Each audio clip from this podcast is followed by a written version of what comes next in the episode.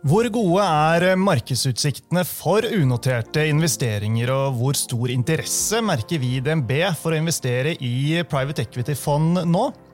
Og hvilke vurderinger bør man gjøre før man beveger seg inn i ulike typer alternative investeringer, enten man er et family office eller selveste oljefondet? Dette skal vi se nærmere på i dagens episode.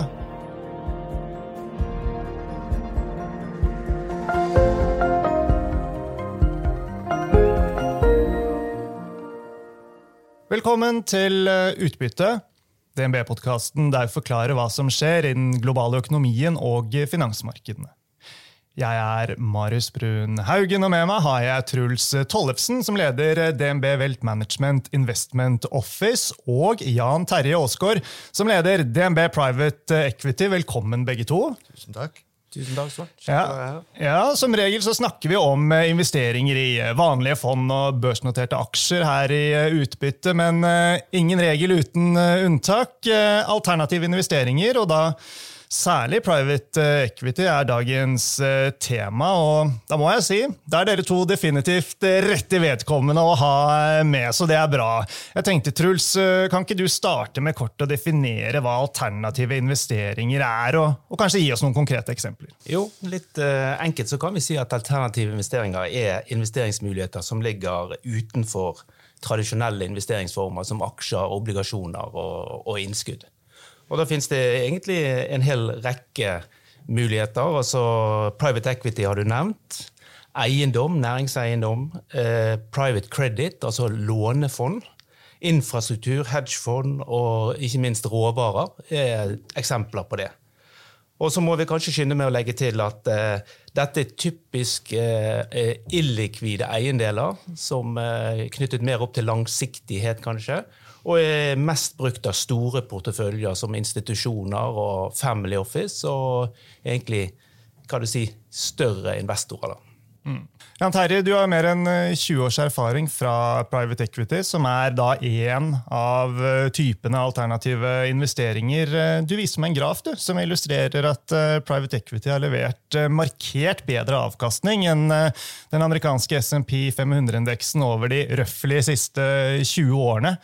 Så da blir jo spørsmålet, da. Hva er det som taler for at uh, private equity skal banke børsen de neste 20 årene også? Det stemmer jo at vi har statistikk som viser at eh, PE har slått, eller private equity har slått børs de siste 20 årene. Men vi har også annen statistikk som viser at det ikke har slått børs. okay. For utfordringen er jo at vi har ikke noen sånn samlet database som viser som alle PE-fond melder inn.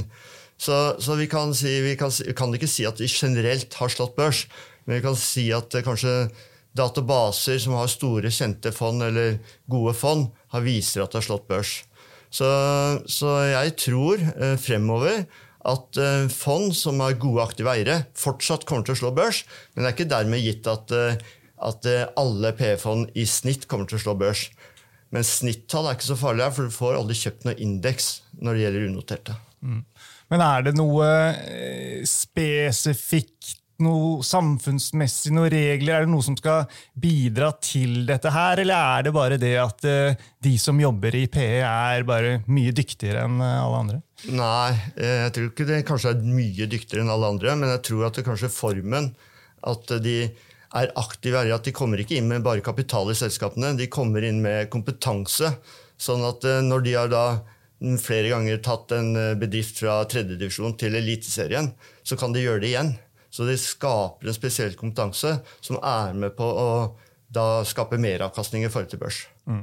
Men En ting jeg tenkte på når jeg satt og forberedte meg til uh, dette, her, det er uh, hvor mye av uh, Kall det meravkastningen, da, uh, i forhold til dette chartet som viste meravkastning for private equity de siste 20 årene. Altså, hvor mye av det er drevet av at vi har hatt en periode i denne tiden med eh, lave og fallende renter. For, for, det igjen har jo kunnet gjort at man har kunnet gire høyere og høyere. Og kanskje har man i disse private equity-mandatene, i hvert fall i en del tilfeller, kunne giret mye mer mm. enn det man har kunnet gjøre eh, i andre markeder. Gire er da å belåne. Ja. Nei, Det er riktig det at børs og private equity har hatt nytte av lavere rente.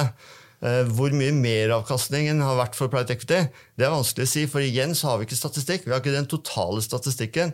Sånn at eh, og det er veldig stor forskjell på private equity-fondene. Noen private equity-fond bruker giring helt, eh, som er en viktig del av verdiskapningen, mens andre bruker mye mindre og har mye mer fokus på aktivt eierskap. Så det er, litt sånn, det er ikke lett å si akkurat hvor mye det har vært, og når vi ikke har statistikk på det heller, men på store fond generelt, der tror jeg det har vært en del av verdiskapningen. På, på mindre fond, som kanskje ikke klarer å gire den type selskaper som de investerer i, har det vært mindre av den mindre fra meravkastning fra giring. Men uansett, du nå vet jo ingen av oss eh, hvilken vei det kommer til å gå med rentene til syvende og sist. Men eh, hvis de skal holde seg på dagens nivåer eller høyere over en, en lengre periode, så, så, vil det jo ikke bli like lett i anførselstegn, som det det har vært de siste årene. Altså Finansiering er jo dyrere nå. Det er helt riktig. så Hvis renten går opp, så forventer vi svakere avkastning fremover. Det gjelder både børs og private equity. Mm. Så, så, det tror jeg du har rett i. Kunne du kanskje lagt inn eh, Jan Terje, for kjøpsmulighetene til PE-fond er vel bedre enn de har vært på veldig lenge? Absolutt. Når, når, det er litt trist og leit, sånn som det er nå, litt, eh, så er det jo selskapene litt lavere multipler, og så selges for litt billigere. Så da, Jeg, jeg pleier å si at det er mye bedre å investere når det er mye usikkerhet, og, eh, enn når alt ser eh, lyst ut. Så det er mange muligheter nå i markedet, men vi ser også at det gjøres færre transaksjoner. For det er større avstand mellom kjøper og selger. De som skal selge, de er fortsatt i den gamle verden og ønsker høyere pris. Og de som skal kjøpe, så gjøres færre transaksjoner. Men eh, de som da selger, så ser vi at multiplene er noe lavere. Mm. Men er det, noe, er det noen sektorer eller eh, geografier som er eh, ekstra interessante i sånn marked her nå? Sektorer, vi, vi, tenker langsiktig, så vi er fokus på bl.a. teknologi, software, helse, for å nevne noe. Geografier, Når vi handler eller investerer i unoterte selskaper, så ønsker vi å gjøre det i en transparent verden. Så vi har fokus på Vest-Europa og Nord-Amerika. Så Det er den geografien vi har gjort i over 20 år og kommer til å fortsette med, så vi skifter ikke på den. Mm.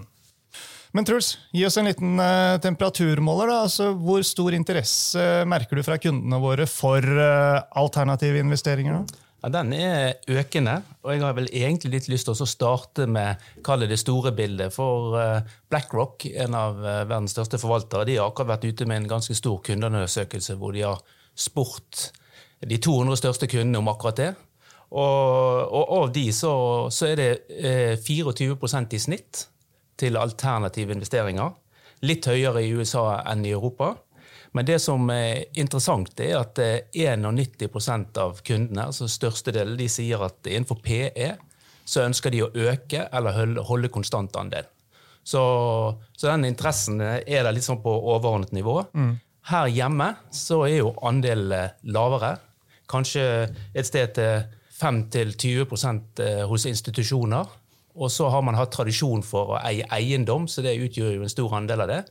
Men man begynner å øke type private equity, private credit eh, og ikke minst infrastruktur. Det er jo diskusjoner, Kanskje spesielt knyttet til det grønne skiftet og den tematikken der. Så, så veldig økende interesse. Eh, og her leder nok Family Office-segmentet an. Og har vært raskere å tilpasse seg dette, mens institusjonene kommer litt, litt etter hvert her nå. Mm, mm. Så det er i vekst og, og family officene som er eh, kan vi si, på, på fremmarsj har vært en stund. De vil også ha en større del av kaka når det kommer til uh, private equity og andre typer alternative investeringer? Absolutt, det, det er sånn vi ser det nå. Mm, mm når markedsklimaet er sånn som det er nå, så er det jo ikke nødvendigvis uh, like lett da, å komme seg ut av uh, denne type investeringer. Uh, I hvert fall ikke lett med en exit via børsnotering til en god pris. er ikke kundene bekymret for det? Er ikke det noe de flagger? Jeg kan uh, si at Det er jo tre muligheter. så Når det er dårlig børs, så tar de færreste PE-selskapene og tar selskapet på børs. Så det er helt riktig, og Det har kanskje vært litt lukket det uh, siste året. Ja, Så du mister på en måte ett alternativ? Mister ett alternativ, Men du har to andre alternativer. Det er å selge til strategiske eller industrielle kjøpere. Og andre alternativet er å selge til finansielle finansielle. Eh, vår portefølje nå i 2021 og 2022 så har det vært eh, egentlig veldig mange exiter, altså mange salg, eh, til gode multipler. Men ingen av de selskapene som er blitt solgt fra PE-selskaper, har blitt tatt på børs. Verken i 2021 eller 2022. Men samtidig så har vi hatt store satt opp Verdiene har vært vesentlig høyere enn det det sto i bøkene for kvartalet før. Opptil 40% i snitt. Mm. Jeg har egentlig lyst til å legge til en dimensjon. Da, for eh, Når vi snakker rundt eh, likviditet rundt PE, så er det likviditeten i fondet, som Jan Terje snakker om, altså muligheten til å selge selskaper. Men det andre er likviditeten til investor inn og ut av fondet. Og Det er et ganske sentralt poeng eh, når vi snakker med kunder. det er at Du må ha en andel som du kan sitte med veldig lenge. Altså Dette er ikke noe som du skal inn og ut av. Blir du tvunget til å selge på et ugunstig tidspunkt, så, så, blir man tvunget ut i et marked hvor man må gi eh, store rabatter på fondsandeler. Så da er man inne i dette secondary-markedet, Jan Terje, som er en, en del av PE-bransjen. Absolutt. Så, så, det er mulighet å komme seg ut, men i dårlige tider så må man regne med kanskje en rabatt. For da tar de inn altså Hvis man forventer resesjon, så tar man det med inn i prisen når man kjøper en andel og tar over en forpliktelse. I gode tider så kan du oppnå mer, eh, høyere avkastning, eller litt, eh, litt premie, da, ved å mm. Ja, da. Ja, da, nei, så er det klart At man blir tvunget til å være langsiktig, det, det kan virke disiplinerende, det, selv i, når det er eh, tøffe tider. Men i hvilken grad bør vi være bekymret da, for at det er uh, potensielle tapsbomber? Kanskje å ta i litt, men, uh, men, men, at det er noen der ute som uh, i denne delen av finansmarkedet at det er ting der som ikke har kommet til overflaten ennå, fordi man rett og slett ikke er tvunget til å justere markedsverdier, som man må, må i, på børs eller i, ja, i de mer likvide markedene? Ja, det finnes helt sikkert noen tapsbomber der. Men det vi har sett i vår portefølje, er at uh, forvalterne er veldig flinke til å skrive ned tidlig. Mm. De ønsker å kommunisere og være transparente mot investorene sine, for de er avhengig av at investorene skal komme inn i neste fond. Og Holder de ting skjult, og det blir avslørt, så mister du tillit. Og dermed så vil du ikke investere. Så, så det vi ser, og det vi har sett over en 20-årsperiode, er at det, det, skriver raskt ned når det ligger ting der, sånn at vi skal slippe overraskelser. Ja. Diversifisering. Når kundene vurderer å gå inn i denne type alternative investeringer, eh, hvor viktig er det som et eh, kriterium for at de eh, skal inn? Jeg vil nesten si at det er alfa, alfa og omega her. Det er åpenbart at disse porteføljene som bruker f.eks. private equity, at de har det som en andel av sin portefølje, og de har det i tillegg til likvide aksjer og andre typer investeringer.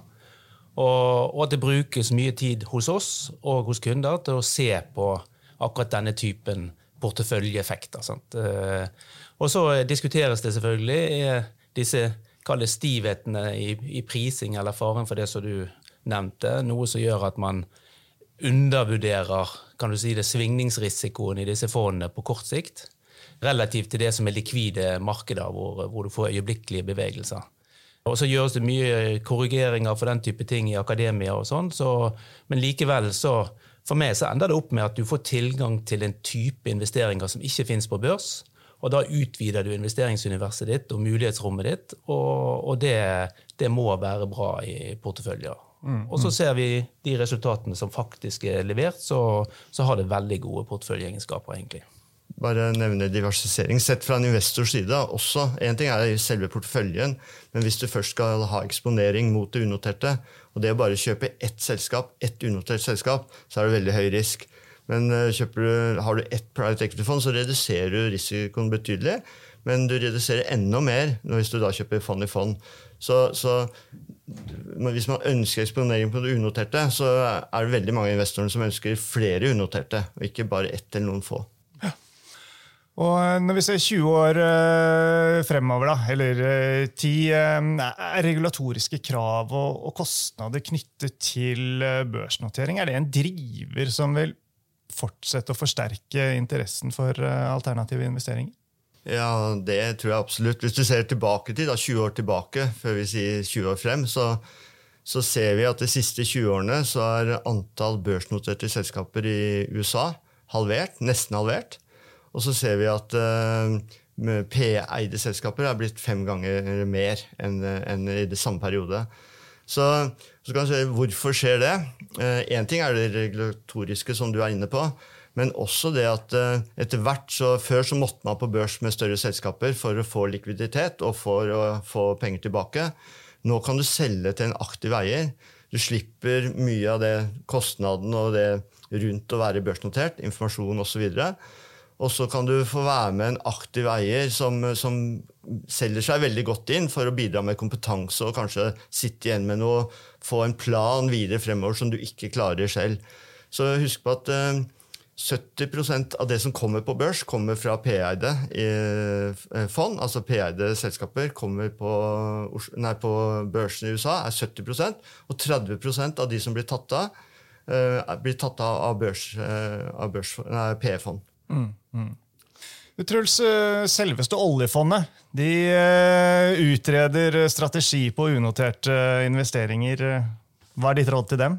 Ja, du har jo vært ute i avisen og skrevet om dette. her. Ja, 22. april i dag så, i år så, så, hadde vi en meningsytring om det i Finansavisen. og pekte vel egentlig en, en retning. Og Det som jeg syns er veldig interessant, da, som jeg prøvde å gjøre et poeng av i, i denne avisen, da, det er at eh, Oljefondet er, er, vi jo veldig stolt av. Det er en fantastisk organisasjon, men ligner veldig på et indeksfond. Altså veldig lite aktiv risiko. Og så finnes det et, eh, et søsterselskap i Canada, altså dette er Canada Pension Plan, som er omtrent halvparten så stor som oljefondet. Kommer fra et land som på mange måter ligner litt på oss.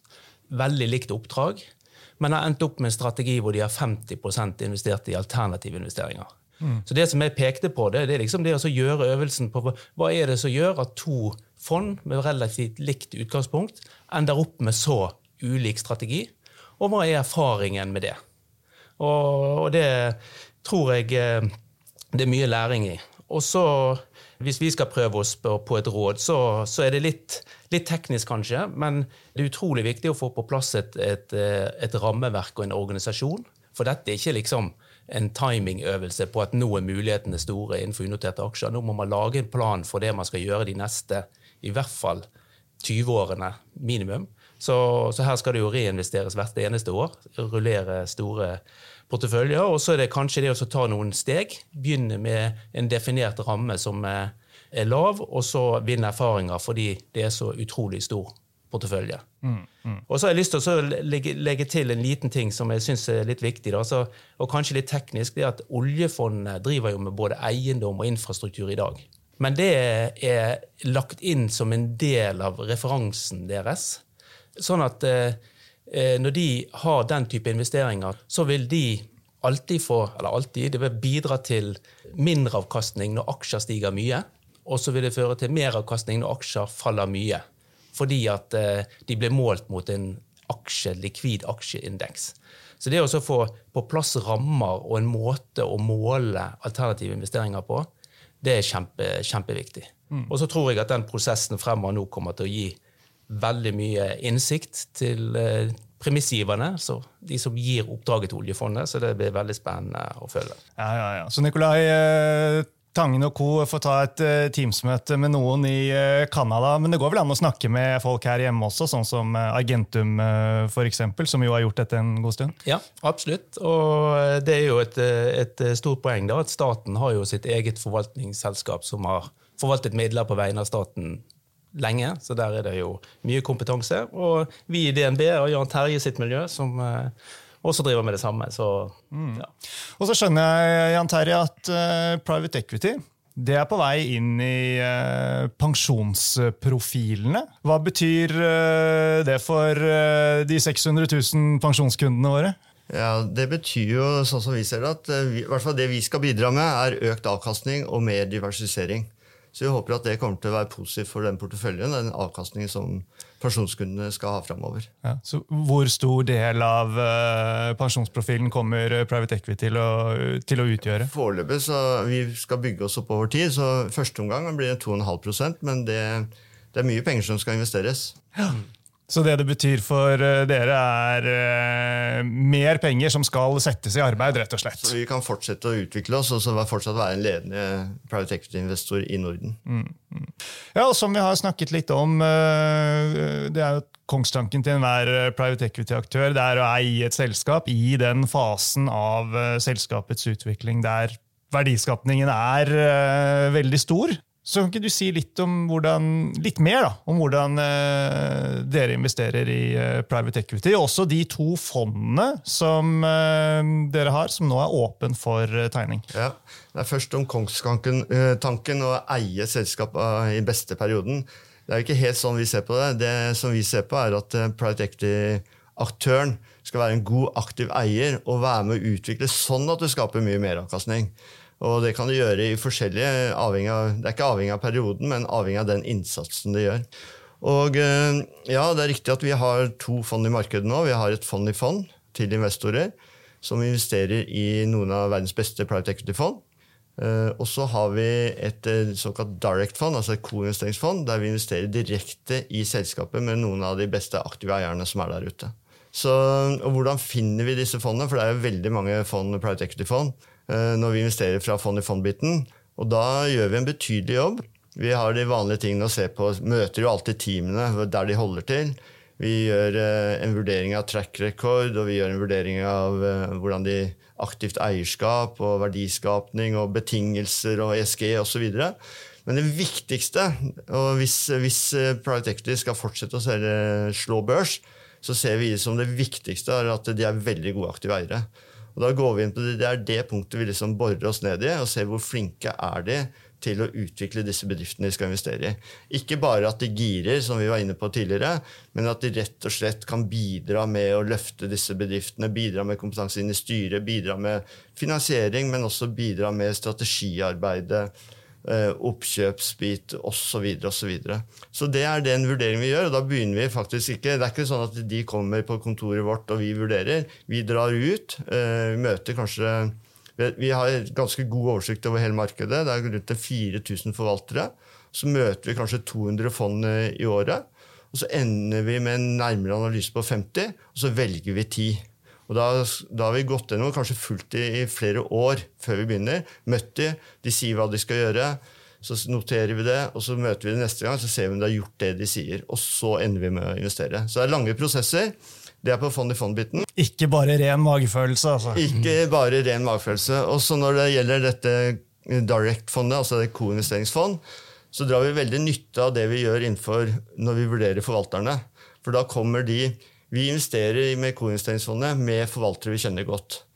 Og når de kommer til oss, så kjenner vi jo den avkastningen de har fått i ulike sektorer. Vi kjenner også, vet vi også hvilken partner som har vært ansvarlig for ulike investeringene, så vi vet hvordan de har gjort det historisk i den sektoren eller den type selskaper. Og så får vi da muligheten til å investere.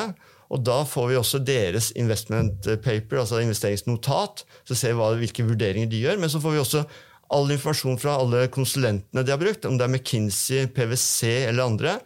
Og så Basert på det så gjør vi vår egen vurdering. Og Vi har fått en, vi har første fondet vi satte opp uh, i 2021, har vi, vi, har vist at vi har fått en veldig god deal-flow. Kjempespennende portefølje. Og nå er vi, gjort en, er vi i ferd med å gjøre den siste investeringen, så derfor så åpner vi opp et nytt fond. Og Dette er jo investeringer som uh, investorene ikke får tilgang til, og som blir styrt med aktivt eierskap fra de aktive miljøene som vi har vurdert over lang tid. Så, mm. så det er veldig spennende produkt, det også. Begge er i markedet. Ja, og Hva er forventet uh, levetid på, på, disse fondene? Uh, det er levetid ti år på direct-fond. Også på fond i fond så er det tolv år. Mm. Og hvor, eh, hvor, lenge er det åpent for uh, tegning, og, og, hva slags uh, minstebeløp er det vi snakker om her? Det egner seg best for litt langsiktige investorer med litt større portefølje. Så minstetegningene er 5 eller 500 000 euro. Det er euro begge. 500 000 euro uh, i begge fondene. Og perioden vi, vi, satte i gang ja, Vi har reist kapital foreløpig til fond-i-fond-biten. Fire måneder, fått inn over 1,1 milliard. Uh, vi skal ha det åpent i hvert fall frem til sommeren. Og Direct det starter vi med nå, så det vil nok være åpent en stund fremover. Mm. Ok, Truls, hvis vi skal uh, oppsummere. Uh, alternative investeringer, det uh, kommer. Og skal vi tro deg, så kommer veksten også her hjemme, og interessen for det til å fortsette å øke. Absolutt, det tror jeg. Og så tror jeg at det skal komme sammen med si, en god porsjon edruelighet og innsikt, og få det til å passe for den formuen eller porteføljen eh, en har ansvar for. Da. Så, sånn at det, dette er ikke hva skal jeg si, one shot, dette er strategier, tenker jeg. Ja. ja. men Bra, det. Da får jeg bare si uh, tusen takk til uh, dere begge for at dere kom og var uh, med. Gøy å høre litt om hva som rører seg i denne delen av markedet. Det er jeg sikker på at lytterne også synes. Så med det så runder vi av for i dag. Så tusen takk, folkens, til alle dere som hørte på.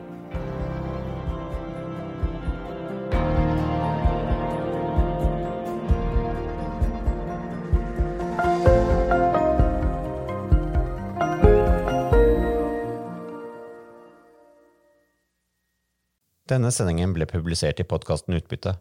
Innholdet i sendingen er å anse som markedsføringsmateriale fra DNB og er ment å være generell spareveiledning. Sendingen skal ikke oppfattes som et tilbud om å kjøpe eller selge finansielle instrumenter, eller som investeringsrådgivning tilpasset den enkelte investors situasjon. En investor som har behov for råd eller har spørsmål om informasjon som gis, bør kontakte en finansrådgiver. DNB påtar seg ikke noe ansvar verken for direkte eller indirekte tap som følge av innholdet i sendingen legges til grunn for eventuelle investeringsbeslutninger. Husk at historisk avkastning aldri er noe garanti for fremtidig avkastning. Avkastningen kan bli negativ som følge av kurstap. Bruk av prognoser for å beregne fremtidig avkastning er heller ingen garanti for fremtidig avkastning. Innholdet i sendingen bygger på informasjon fra offentlig tilgjengelige kilder som DNB ser på som pålitelige, men som ikke er uavhengig verifisert. Følgelig gir DNB ingen garanti i forhold til nøyaktighet og fullstendighet. Alle uttalelser her reflekterer DNBs, den enkelte ansatte, eller andre tredjeparts vurderinger på tidspunktet for den aktuelle sendingen, og kan i ettertid endres uten nærmere beskjed. Ytterligere informasjon om bl.a. kildebruk og interessekonflikter er tilgjengelig på dnb.no skråstrek invest, bindstrek disclaimer.